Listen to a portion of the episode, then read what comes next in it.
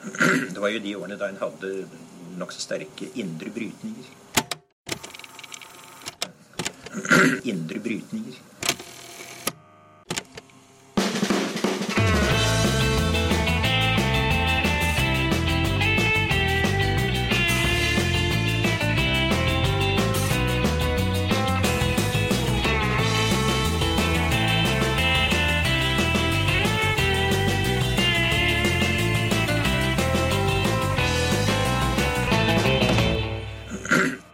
Hei og velkommen til Noen har snakket sammen. Mitt navn er Aksel Fjelldavli. Og jeg heter Tiril Lyresand Halvorsen. I dag så eh, er vi på landsmøtet til Sosialistisk Venstreparti på, eh, på Gardermoen. Det stemmer. Hva, hva skjer her da, Tiril? Nei, de har landsmøte, da, og prøver å Nå vedtar de hovedresolusjoner og prioritering av uttalelser som eh, partiet skal eh, stå for eh, frem mot eh, lokalvalget, først og fremst. Mm. Og det, det er jo god stemning her. Det er jo tross alt landsmøte. Men Det det er slår ikke helt Nei, sant. Det, det er bare stemninga i taket. Her er stemninga sånn ja, et stykke opp på veggen. Og det kan jo kanskje handle om at de har et viktig nestlederverv, nei, valg, i morgen. Mm, det er litt sånn, litt sånn spenning, spenning i lufta. Ja. Og, og der er det jo da Kari Lisbeth Kaski og Torgeir Knag Fylkesnes som er, som er kandidatene. Mm. Um, hva skiller de egentlig? Ja. um, på den ene siden så har man Kari Elisabeth Kaski som ikke utelukkende, men i hvert fall står for en sånn uh, spissing av partiets eh, linje og handler om klima og ulikhet, som jo har blitt til under Audun Lysbakken, og som har uh, gjort at partiet har vokst på målingene. Og på den andre siden eh, Torbjørn, nei, Torgeir Fylkesnes som snakker om å bre ut partiet, og at de skal bli et folkeparti. Og, og han, han har jo snakka bl.a. om at den, den saken han er mest uenig med partiet sin linje i nå, handler om eh, vindmøller på land. Ja, så splittelsen er ikke så stor og dyp og dramatisk når Nei. det er det det handler om. Men, men, men, det, men ja, det, det er jo veldig gemyttlig, egentlig, i forhold til hvordan sånne nestlederkonflikter kan, kan være. Men, men eh, den breiinga ut av partiene snakker om, det er vel kanskje først og fremst handler om at man skal fokusere litt mer på næringspolitikk og distriktspolitikk. Eh, Og SV har jo Ja, og- dy, dype røtter i eh, hva, hva jeg skal si, en sånn kanskje særlig nordnorsk sånn brokk Ottar Brox-aktig motkulturtradisjon, som, som vel Fylkesnes eh, spiller litt eh, på. Mm. Og så er det vel noe med at klima og naturvern på en måte spisser seg i de kampene, ikke sant, som jo den vindmøllesaken eh, virkelig setter på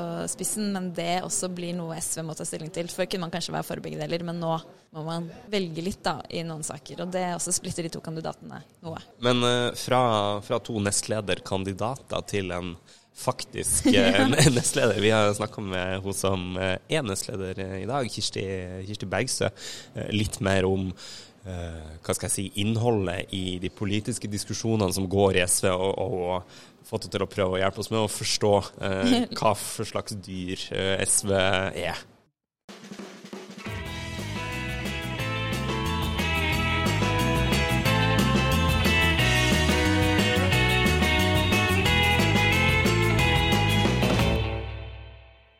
Kirsti Bergsted, du er nestleder i, i SV, eh, og er også her på landsmøtet, selvfølgelig. Em, vi er jo her for å forstå litt mer av eh, partiet og, og, og landsmøtet 2019. Kan ikke du si noe først om disse debattene som foregår i dag, hvordan på dette landsmøtet gjenspeiler konfliktlinjer og skillelinjer innad i SV?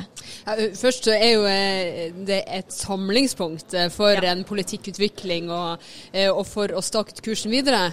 Og der er det jo mer som forener folk som kommer fra nord og sør og øst og vest, enn som, som på en måte splitter. Men ethvert parti som er i utvikling, må også ha utviklende debatter. Og dem har vi ganske mange av. Altså Det overordna som vi holder på med om dagen, det er jo å ta kampen mot de økende forskjellene og forsterke fellesskap og mot mot eh, klima, farlige klimaendringer og utslipp og, og for, for framtida. Og i de diskusjonene der så er det jo flere debatter som på en måte peker seg ut. At man har ulike retninger som man kan, man kan gå, som gjenspeiler diskusjonen i, i salen her. Hvis jeg skal nevne noen ut av dem, Eh, så handler jo det om eh, bl.a. Eh, spørsmålet rundt vindkraft. Hvilke hensyn skal man ta der? Skal man ha vindkraft på land, eller i større grad tenke til sjøs?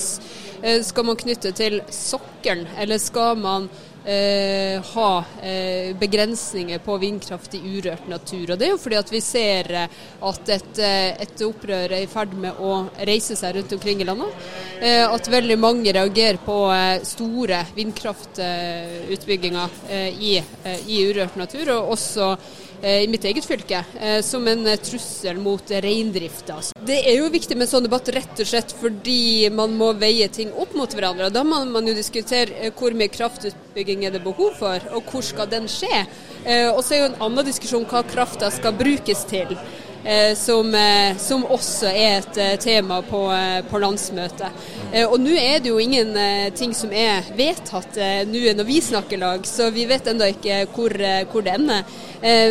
Men noen, mange har i hvert fall tatt til orde at man må tenke nytt rundt vindkraft og utbygging. og og bremse opp i forhold, til, i, forhold til, det, og heller skyve det ut i havgapet, der det i mindre grad er konflikt med natur og andre næringer. Da.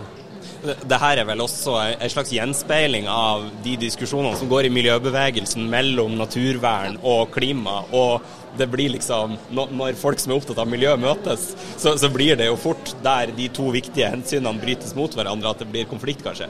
Ja, Det blir jo det. Og jeg har jo registrert at, eh, at det en interessant Eh, debatt som går eh, mange plasser rundt det. Eh, også Industriaksjonen og deler av Naturvernforbundet har jo løfta opp denne debatten i forhold til Eh, både hvordan skal krafta eh, komme, men også hva skal den brukes til. Og Det er jo alltid interessant å se nye allianser som kommer i lag eh, og, og kan utfylle hverandres bilde. For det, det, her er jo en helt nødvendig diskusjon å ta, fordi at det er noe som berører veldig mange lokalsamfunn, og også andre næringer.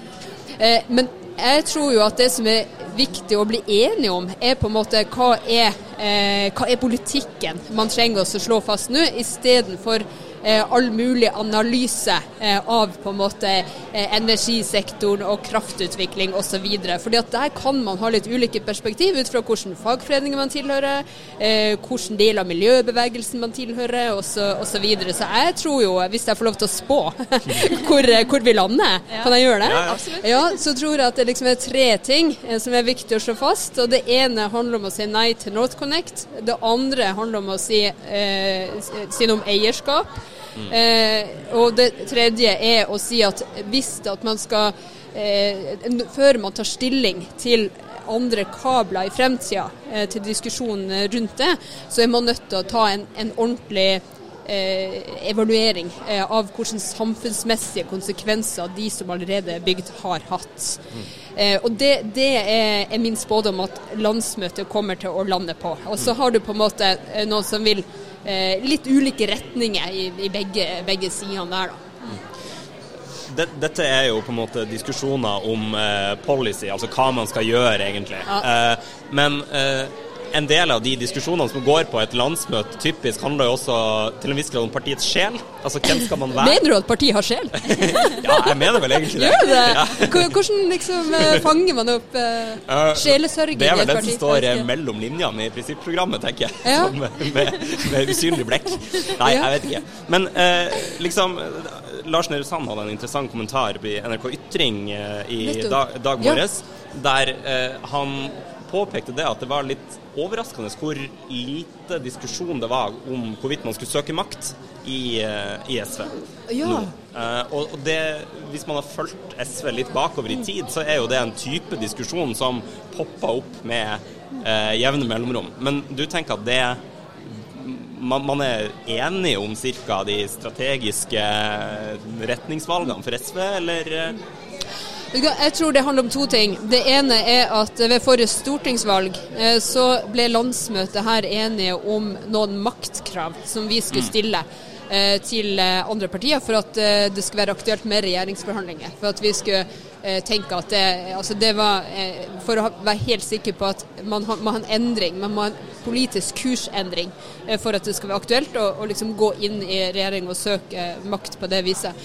Eh, men nå er det ikke en veldig stor diskusjon rundt makt eh, og veier dit. og Det handler rett og slett om at det er et lokalvalg. Ja. Eh, og at landet er så forskjellig at det vil ikke et mening å ha én stor diskusjon om f.eks. hva skal maktkrav være, hvordan skal de se ut, og, og, og på en måte vedta noe felles der. Men det som er tilfellet, er jo at veldig mange gjør det lokalt. Eh, og særlig i de store byene så er det jo en diskusjon om, eh, om eh, hvilke krav skal man stille for å gå inn i forpliktende samarbeid.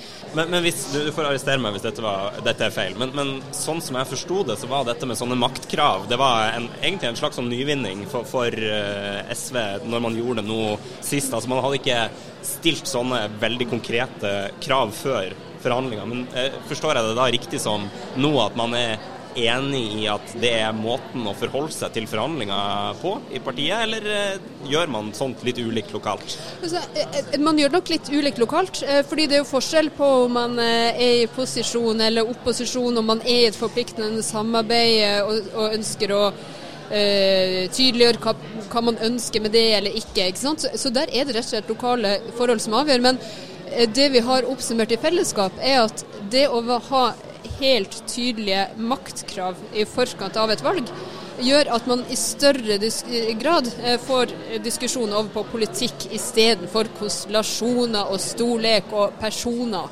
eh, og de tingene som liksom fort glir av sted. Mm. Og da, det, da, er det liksom helt avgjørende å, å stille noen krav som vil føre politikken eh, i en gitt retning. F.eks.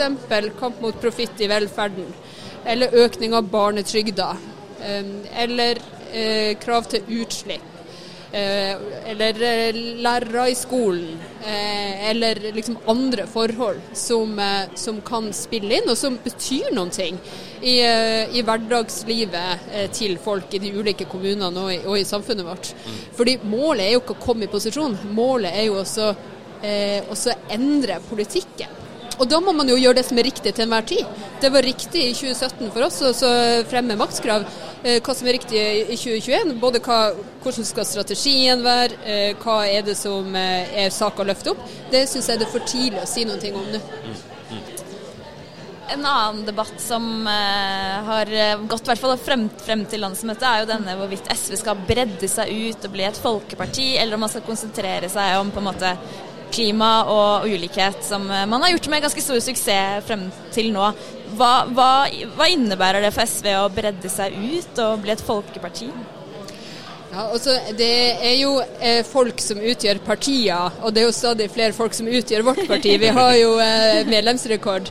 Eh, så jeg tenker at det å, å være et parti som er, er sterkt til stede eh, på ulike, eh, i ulike deler av landet, eh, og med en bred forankring i både fagbevegelse, miljøbevegelse og de utenomparlamentariske bevegelsene, eh, i tillegg til å være maktfaktor lokalt, det tenker jeg at det er, Folkepartiet.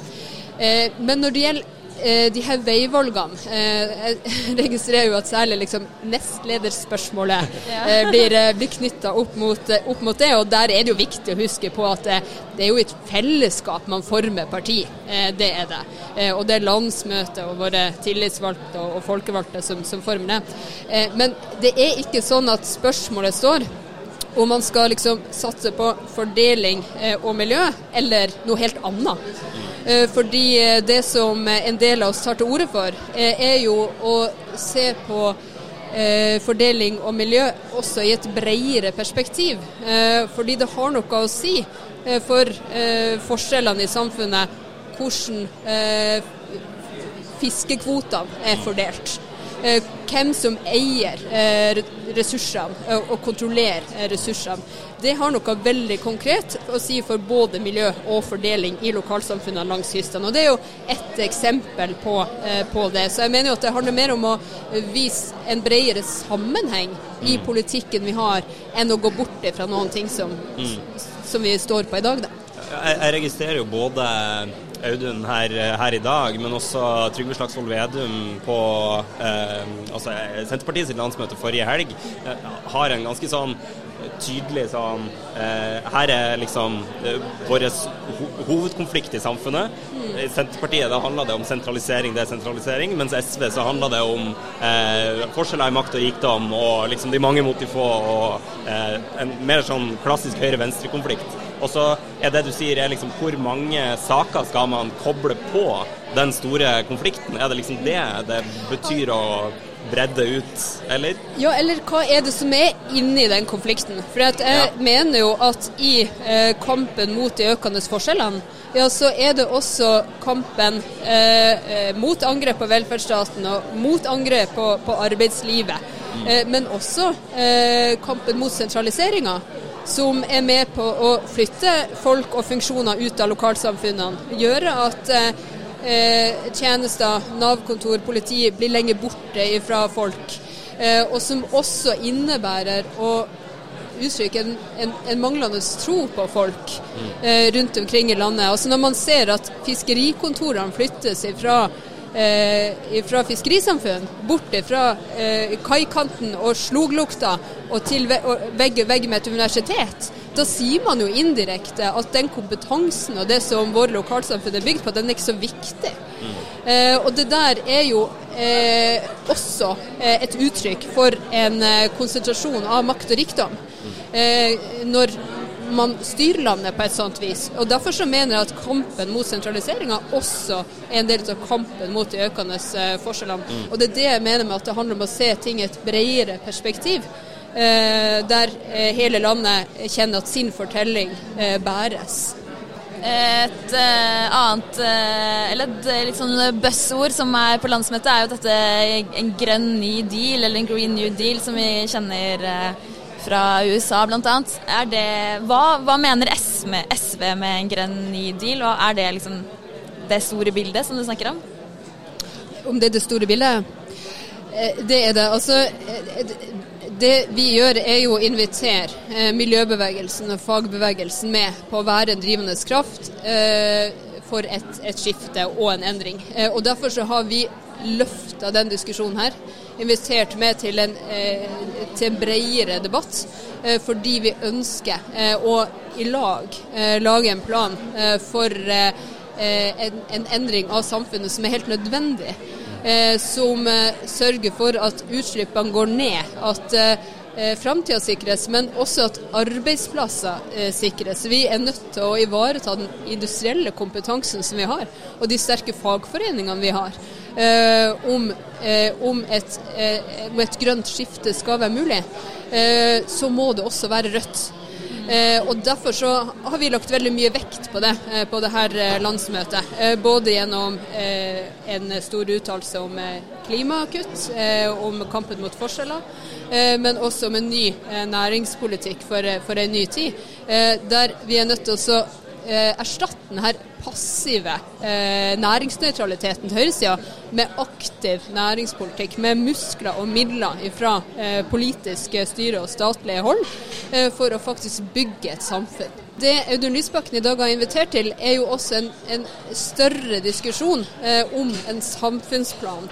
Eh, og der eh, har ikke vi alle svar i dag. Eh, for det hadde ikke vært vits å invitere til en debatt og si at her er det noe vi må løse i fellesskap, om vi på forhånd hadde liksom tømra alle svar med, med to streker under.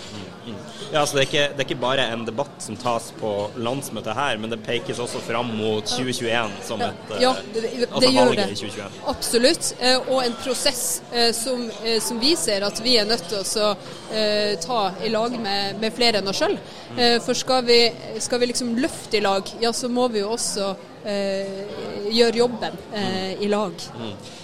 Audun trakk fram eh, eh, Nå husker jeg ikke helt hvordan det, det, er jo litt, litt dumt, men jeg husker ikke helt hvordan begrep han brukte. Men jeg, jeg folkebonus? Folk, ja, en grønn folkebonus.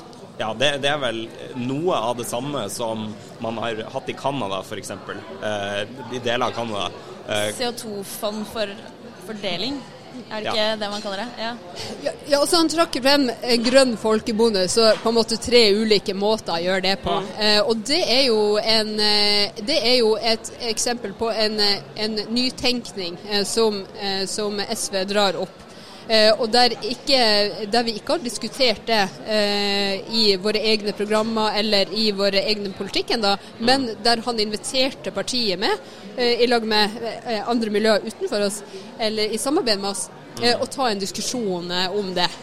Så det er rett og slett en, en av flere nye tanker som, som trengs opp i diskusjonen rundt hvordan vi kan forme et samfunn i lag. Eh, jeg tenker at det, det som er, er, spesielt viktig, det er jo at man, eh, at man evner å løfte eh, opp helt klare helt klare måter for industrireisning ja. med uten utslipp, f.eks. For eksempel. Fordi det er jo ganske mange som berøres av den omstillinga som veldig mange snakker om. Og da er det utrolig viktig at man snakker lag og lage konkrete eh, planer folk kan tro på. Mm. Eh, fordi det berører en veldig stor del av eh, hverdagen til folk, den omstillinga som, som faktisk så på trappa. Mm. Kirsti Bergstø, tusen takk for at du tok deg tid til å prate med oss. Takk for at du kom. Godt landsmøte videre. ja, hyggelig at dere er her. Da står vi her med Andreas Undland, som er leder i SU. Velkommen hit. Takk for det.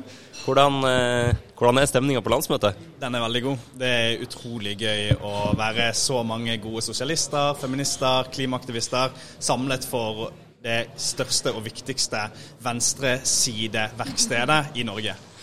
SU har jo en, en, tradisjon for å røske litt tak i partiet av og til. Hva, hva, er, hva er det dere skal røske tak i på det landsmøtet her?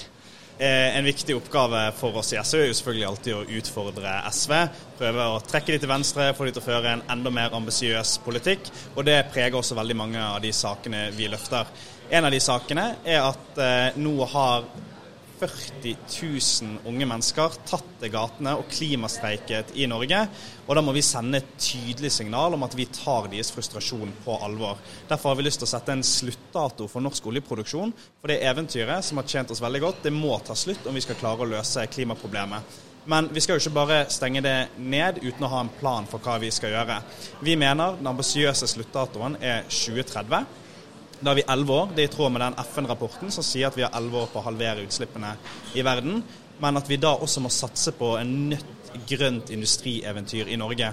Og Det går jo også inn i litt den her kraftdebatten som har hatt et fokus her, om at vi trenger den kraften nettopp for å bygge verdens reneste aluminiumsindustri, silisiumsindustri, bygge de grønne fergene i Norge.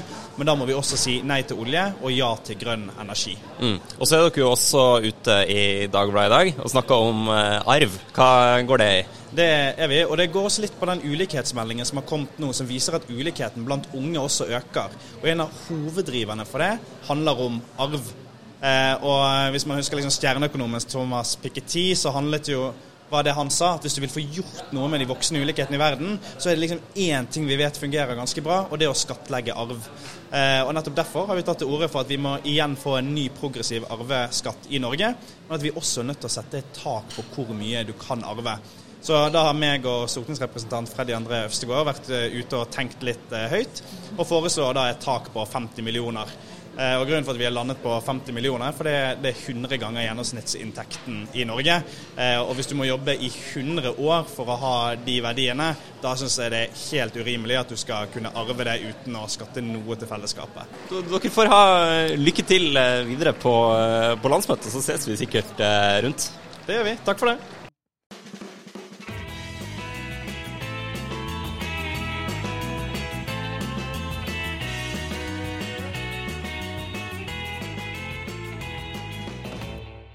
Luka Dyrnes, du er her på ditt uh, første SV-landsmøte. Hvordan er det?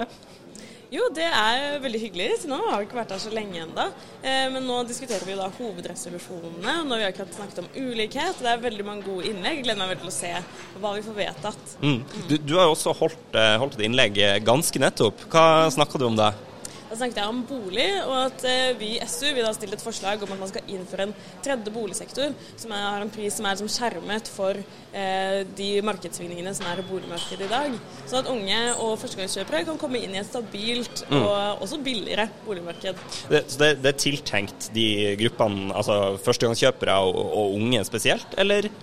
Ja, altså alle, men det er jo spesielt førstegangskjøpere og unge som sliter med å komme inn i boligmarkedet i dag. Og man ser jo at eh, ettersom prisene fortsetter å stige, så er det sånn at hvilken familie du kommer fra, hvilken økonomisk bakgrunn du kommer fra, har mer og mer å si for om du kommer til å få råd til å eie en eh, bolig, eller om du er nødt til å leie. Så er det da, altså, Unge og førstegangskjøpere er jo da en spesielt utsatt gruppe. Er, er det noen eh, andre saker på, på landsmøtet du er spesielt spent på uh, utfallet av? Ja, eh, nå skal vi begynne å diskutere den eh, hovedresolusjonen om klima.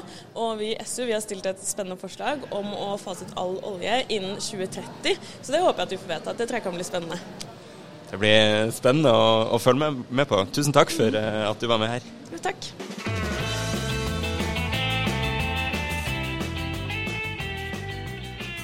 Eirik Faret Sakariassen, velkommen eh, hit til eh, Noen har snakket sammen sitt eh, lille oppriggede studio på Gardermoen og SV sitt landsmøte. Takk for det. Det er jo en ære å være med. Ja, du er ordførerkandidat for SV i Stavanger. Mm. Hvordan ser høsten ut til å bli? Du, jeg er jo optimist når det kommer til valget. Så jeg har et håp om at vi skal greie å få til et skifte i Stavanger. Etter 24 år med høyrestyre så har venstresida og sentrum-venstresida er klar for å gå sammen og eh, få nytt flertall. Så det håper vi vi får til. Ja, nå må vel folk være, være lei av Høyre-styret i Stavanger snart, tenker jeg. Ja, det, jeg er iallfall veldig lei av det. Sånn eh, nå er det på høy tid å få til noen som eh, prioriterer andre ting. Eh, Hvilke saker er det dere skal vinne valget på, da? Altså, vi syns jo det er viktig å gjøre noe med de økende forskjellene i Stavanger. Stavanger er den byen etter Oslo hvor forskjellene øker raskest. 3000 unger vokser opp i fattige familier. og Det kan vi ikke bare stå og se på, det må vi gjøre noe med. Og det kan kommunepolitikerne gjøre noe med. Så vi mener at det er noe et nytt flertall må eh, løse opp i. Og Du holdt jo et innlegg om dette i landsmøtesalen ganske nettopp. Ja. Eh, og budskapet der var Ja, det var at eh, Barnetrygda i Stavanger den blir jo tatt fra de aller fattigste, de som går på sosialhjelp. Eh, og Nå har man sagt at man skal gi halve tilbake, og det syns jeg er for dårlig. I snitt så er det da 400 familier som fratas 2000 kroner hver måned. Og det, en, eh, det har mye å si for deres økonomi. Så Hvis vi faktisk vil gjøre noe med de ungene som har det vanskeligst i vår by, så må vi gi de pengene tilbake til de familiene. Det har jo gått en sånn eh, Lykkeland-debatt eh, om eh, oljenæring og fremtidige arbeidsplasser og næringsliv. Er det, en ekstra, er det ekstra vanskelig å snakke om eh, oljepolitikk i Stavanger? Det er klart at eh, For de fleste av oss så er jo eh, olja viktig. Faren min jobber i olja. Jeg er oppvokst med at veldig mange jeg kjenner, jobber der. Sånn at olja har hatt stor betydning for Stavanger. Men jeg mener jo at de tidene vi har sett nå, med oljeprisfall og økende arbeidsløshet, viser hvor sårbart det faktisk er. Og Hvis vi vil unngå at det blir normaltilstanden om 30-40 år, så må vi faktisk gjøre noen grep nå som sørger for at folk har grønne og fornybare arbeidsplasser.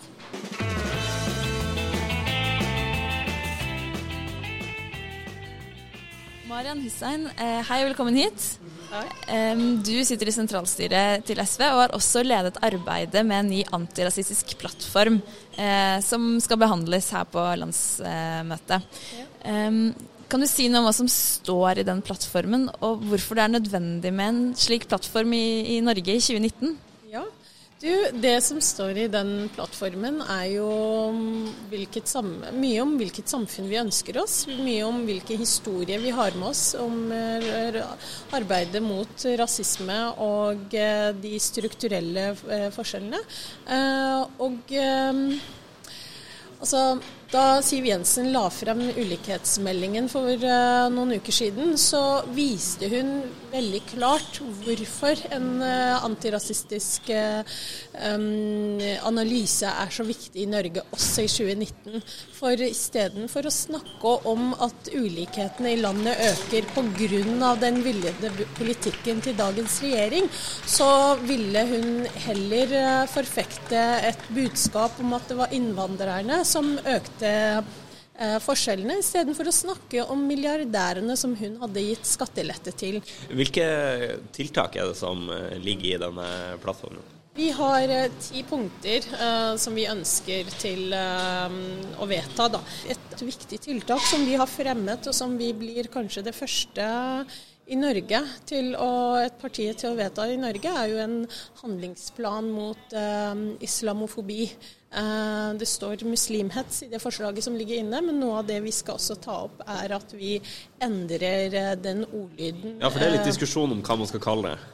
Det har vært en diskusjon. Eh, Jeg og en del andre har landet på at eh, islamofobi er riktig begrep å bruke. Og det ble særlig kanskje tydelig for en del av oss etter at eh, Hege Storhaug var i Ungarn og sa at eh, der følte hun seg så trygg, for der var det ingen muslimer. Altså den, sånn at frykten er ikke nødvendigvis noe om at det er noe reelle eh, ja reell frykt, men at dette er noe som kanskje sitter i noen andres eh, ja, eh, holdninger osv. I England har de akkurat hatt en ganske lang debatt på dette, hvor eh, både politikere, akademikere og aktivister har hatt en lang debatt hvor de også har landet på at islamofobi dekker både den hetsen veldig mange muslimer opplever, men også den fiendtlige innstillingen som eh, veldig mange også eh, opplever eh, ligger til grunn. Og, og man, ser, man ser det særlig nå etter angrepet i New Zealand, hvor hatkriminaliteten i England har økt mot moskeer og muslimske kvinner. Du er jo med på en, en dissens også, eh, som handler spesifikt om den nordiske motstandsbevegelsen. Du ønsker å forby, eller ja, i hvert fall eh, ta, ta litt kraftigere grep mot eh, de. Eh, Ja. Hvorfor det?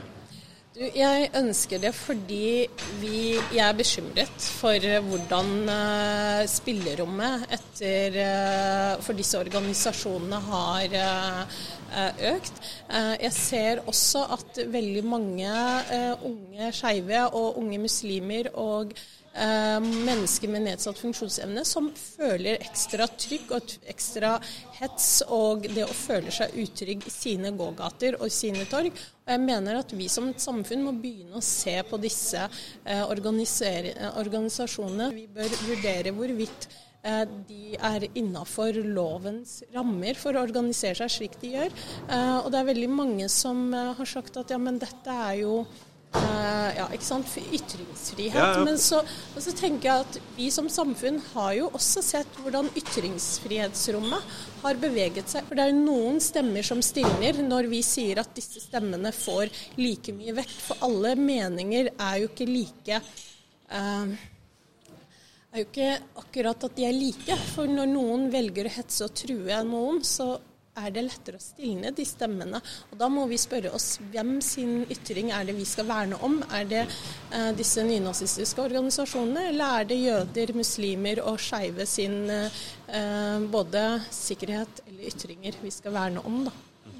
Tusen takk for at du eh, tok deg tid til å ta en prat med oss, og godt landsmøte videre. Takk skal dere ha, og lykke til med både klipping og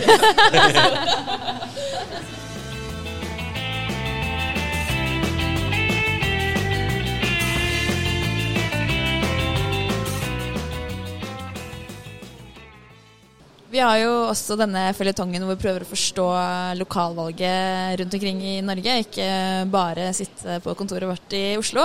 Um, og eh, vi har jo bl.a. snakket med ordførerkandidat for SV i Stavanger, men vi skal nå få høre litt fra debattredaktøren i Stavanger Aftenblad. Ja. Eh, Solveig Sandelsson, debattredaktør i eh, Stavanger Aftenblad. Hyggelig å ha deg med her. Takk, hyggelig å være med. Ja. eh, Vi eh, prøver jo å bli litt klokere på eh, det lokalvalget som står foran oss til høsten, og prøve å få et lite bilde av hvordan det ser ut i ulike deler av, av landet. Og du har jo litt bedre oversikt over Stavanger og Rogaland enn det vi har. Så da tenkte jeg bare å, å, å spørre deg om det. Hva, hvordan ser det ut nå på målingene? og hvilke partier er det som gjør det bedre og dårligere enn man skulle tro osv.? Ja, nå- er det ganske, rett og slett ganske close race i, i Stavanger. Ja. I Stavanger så har du hatt eh, et, eh, det som vi liker å kalle for et lyseblått Høyre-styre i årevis. Så lenge folk kan huske eh, omtrent. Med, lenge med en veldig sterk Leif Johan Sævland som, som ordfører, nå med eh, Sagen Helge.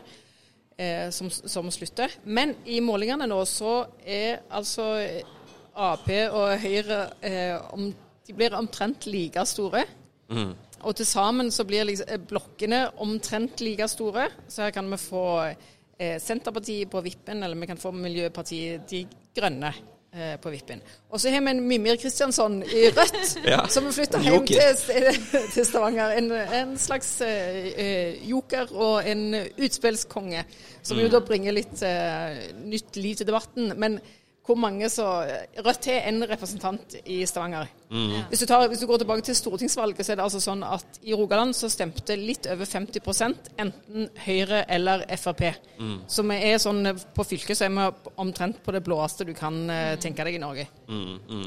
Men for du, du sier at i Stavanger så er det, har det liksom i tiår vært eh, blått, eh, blått styre, men nå er det ganske close. Hva er det som gjør at det er close nå? Er det noen saker som eh, venstresida har markert seg på, eller er det folk bare lei av eh, sittende styre, eller Det, det er vel eh, det, det er en historie her, da. at eh, altså En stund så, hadde, så inngikk Ap i et slags forbund med Høyre. Et slags sånn uformelt samarbeid som gjorde at eh, du fikk et sånn eh, er lov å si konsensushelvete?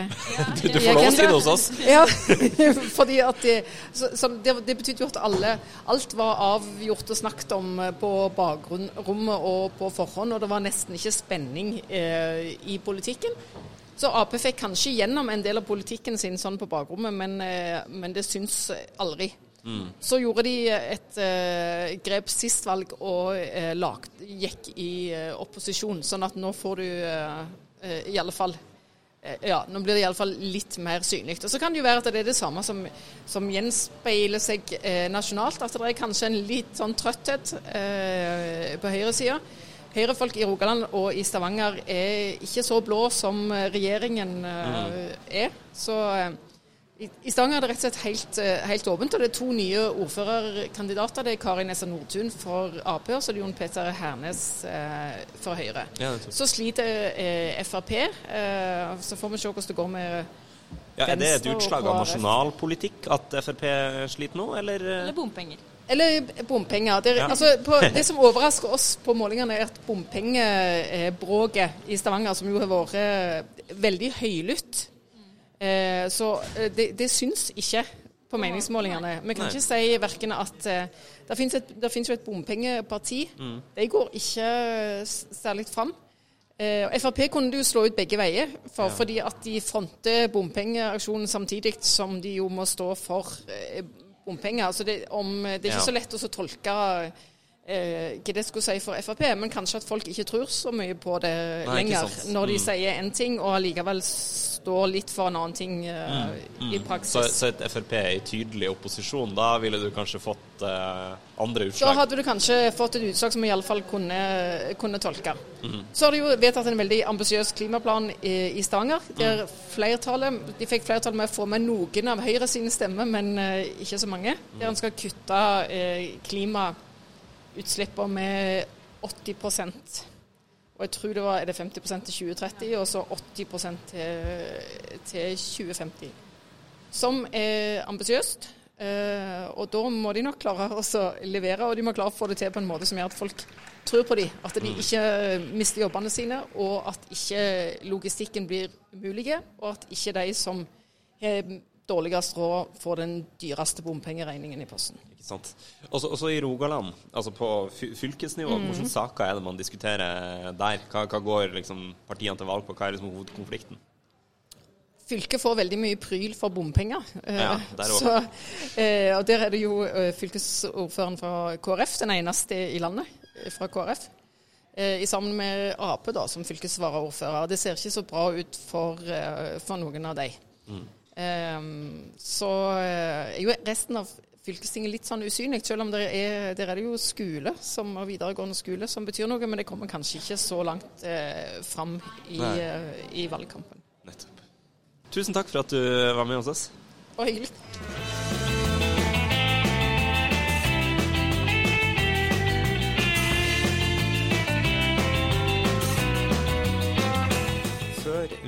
Avslutter, så uh, bruker vi å komme noen, noen, anbefalinger. Vi glemte det rett og slett. Ble så revet med ja, av Senterpartiet Ja, det var så god stemning at vi glemte oss helt bort.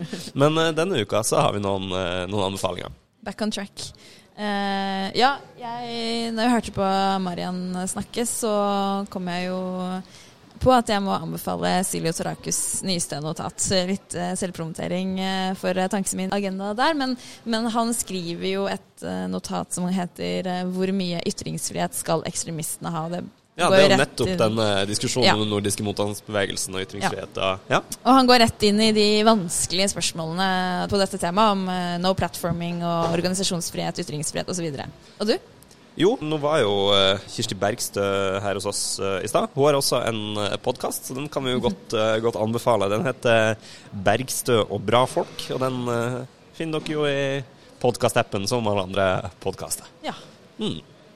Da sier vi takk for oss, og så er det Arbeiderpartiet som har landsmøte neste uke. Ja, rett og slett en slags sånn landsmøteturné vi er på. Mm. Ja, men vi høres neste uke. Yes.